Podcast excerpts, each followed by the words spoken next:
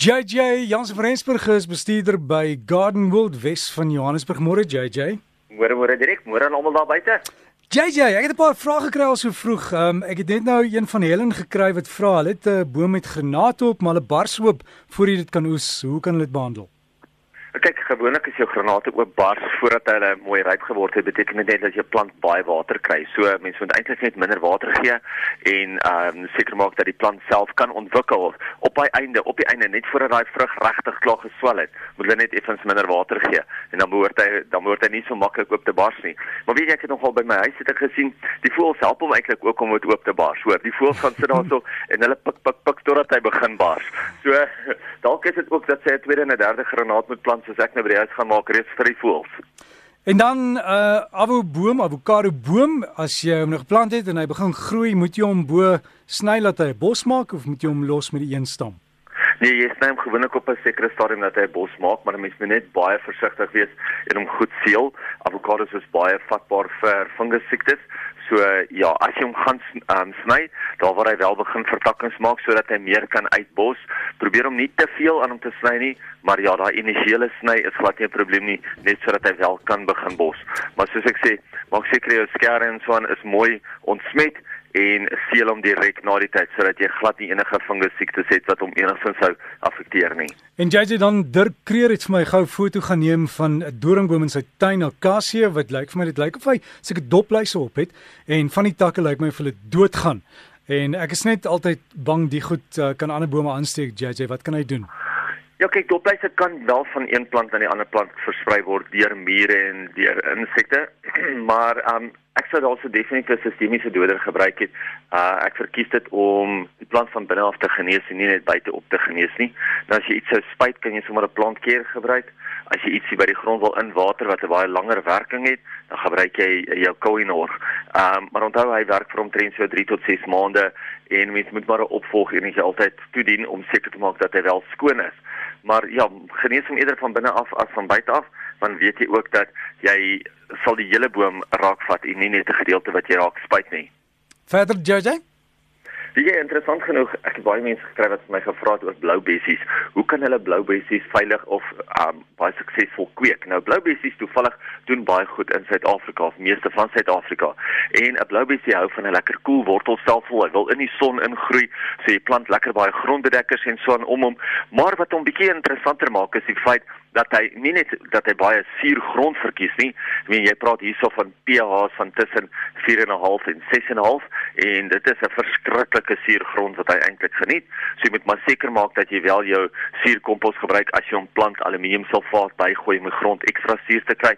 Maar ook dat hy omtrent 4 jaar vat voordat hy regtig mooi dra, 3 tot 4 jaar. So, nou vra mense maar hoe moet ek hom dan snoei?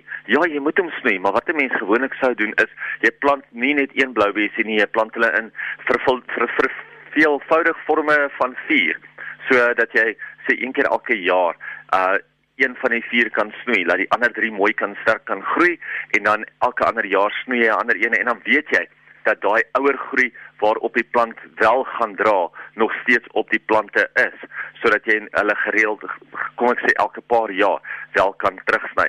So dit is interessant hier om te plant en hy groei baie maklik, maar onthou om dit nie meer as een keer elke 4 jaar lekker sterk terug te sny nie. Uh Bessie groei eintlik baie sterk en van jou bessie selfs jou swart bessie is eintlik nou op die lys van indringerplante. So mense moet maar altyd ook seker maak watter bessies kan 'n mens in jou area kweek, maar bessies is wonderlik om in die tuin te hê. Ietsie anders wat ook op die lys van indringerplante is, is jou boomtomaties. Nou jou boomtomaties is natuurlik vol in vrug en baie mense gebruik natuurlik daai boomtomatie om die lekkerste bladjanne van te maak of om hom net so te eet. Is ook een van die plante wat die vinnigste uh vir jou vrugte afgee. Maar onthou in sekere gedeeltes van die land is hy wel 'n indringer en mag hy nie geplant word nie. En hy is 'n uh, indringer 3 wat beteken as jy hom in jou tuin het moet jy hom eintlik uh, verwyder of as jy hom wil aanplant gaan jy hom dalk nie daar kan aanplant nie.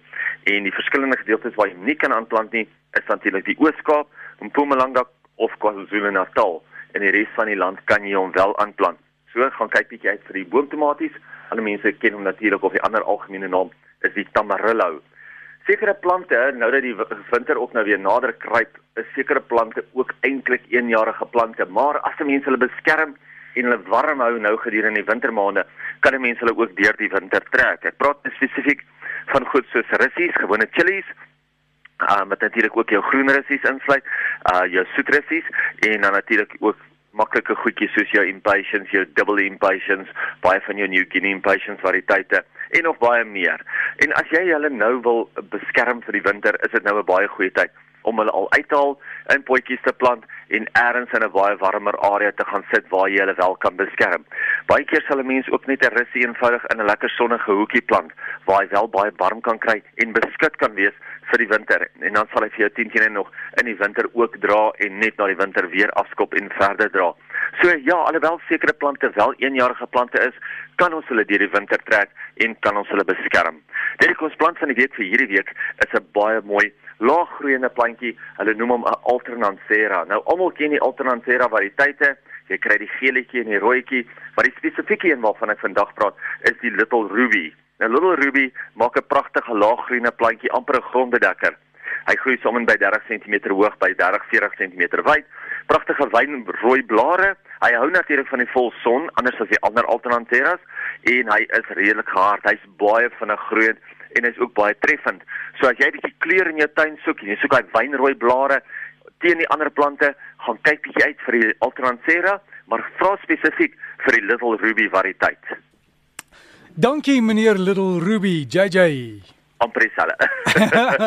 uh, ons kom af jou e-pos stuur, né? Ja, nee, mense is dalk om van e-pos te stuur. Ek was rukkie weg gewees nou met die skoolvakansies, maar ek weer terug op my pos. Ek is hier so by by die werk vandag. En ja nee, ek sien die, die Gauteng is so 'n bietjie mistig op die oomblik, maar hulle sê dit gaan sommer net nou wegbrand en 'n baie lekker dag word. So gesels JJ Jansen van Rensburg hier op RSG en Breakfast met Derek is hier van e-pos wil stuur is JJ by Garden World www.co.za. Hulle probeer so vinnig as moontlik altyd antwoord en jy weet, vra maar net soveel as wat jy kan en as jy foto kan bysit, dit help hoor. So 'n probleem is, neem 'n foto met jou selfoon, stuur dit en dan kan hulle kyk wat is die probleem. Anders gaan hy jou kwekery toe. Hulle kan ook help. Ons e-pos is jy by gardenworld.co.za.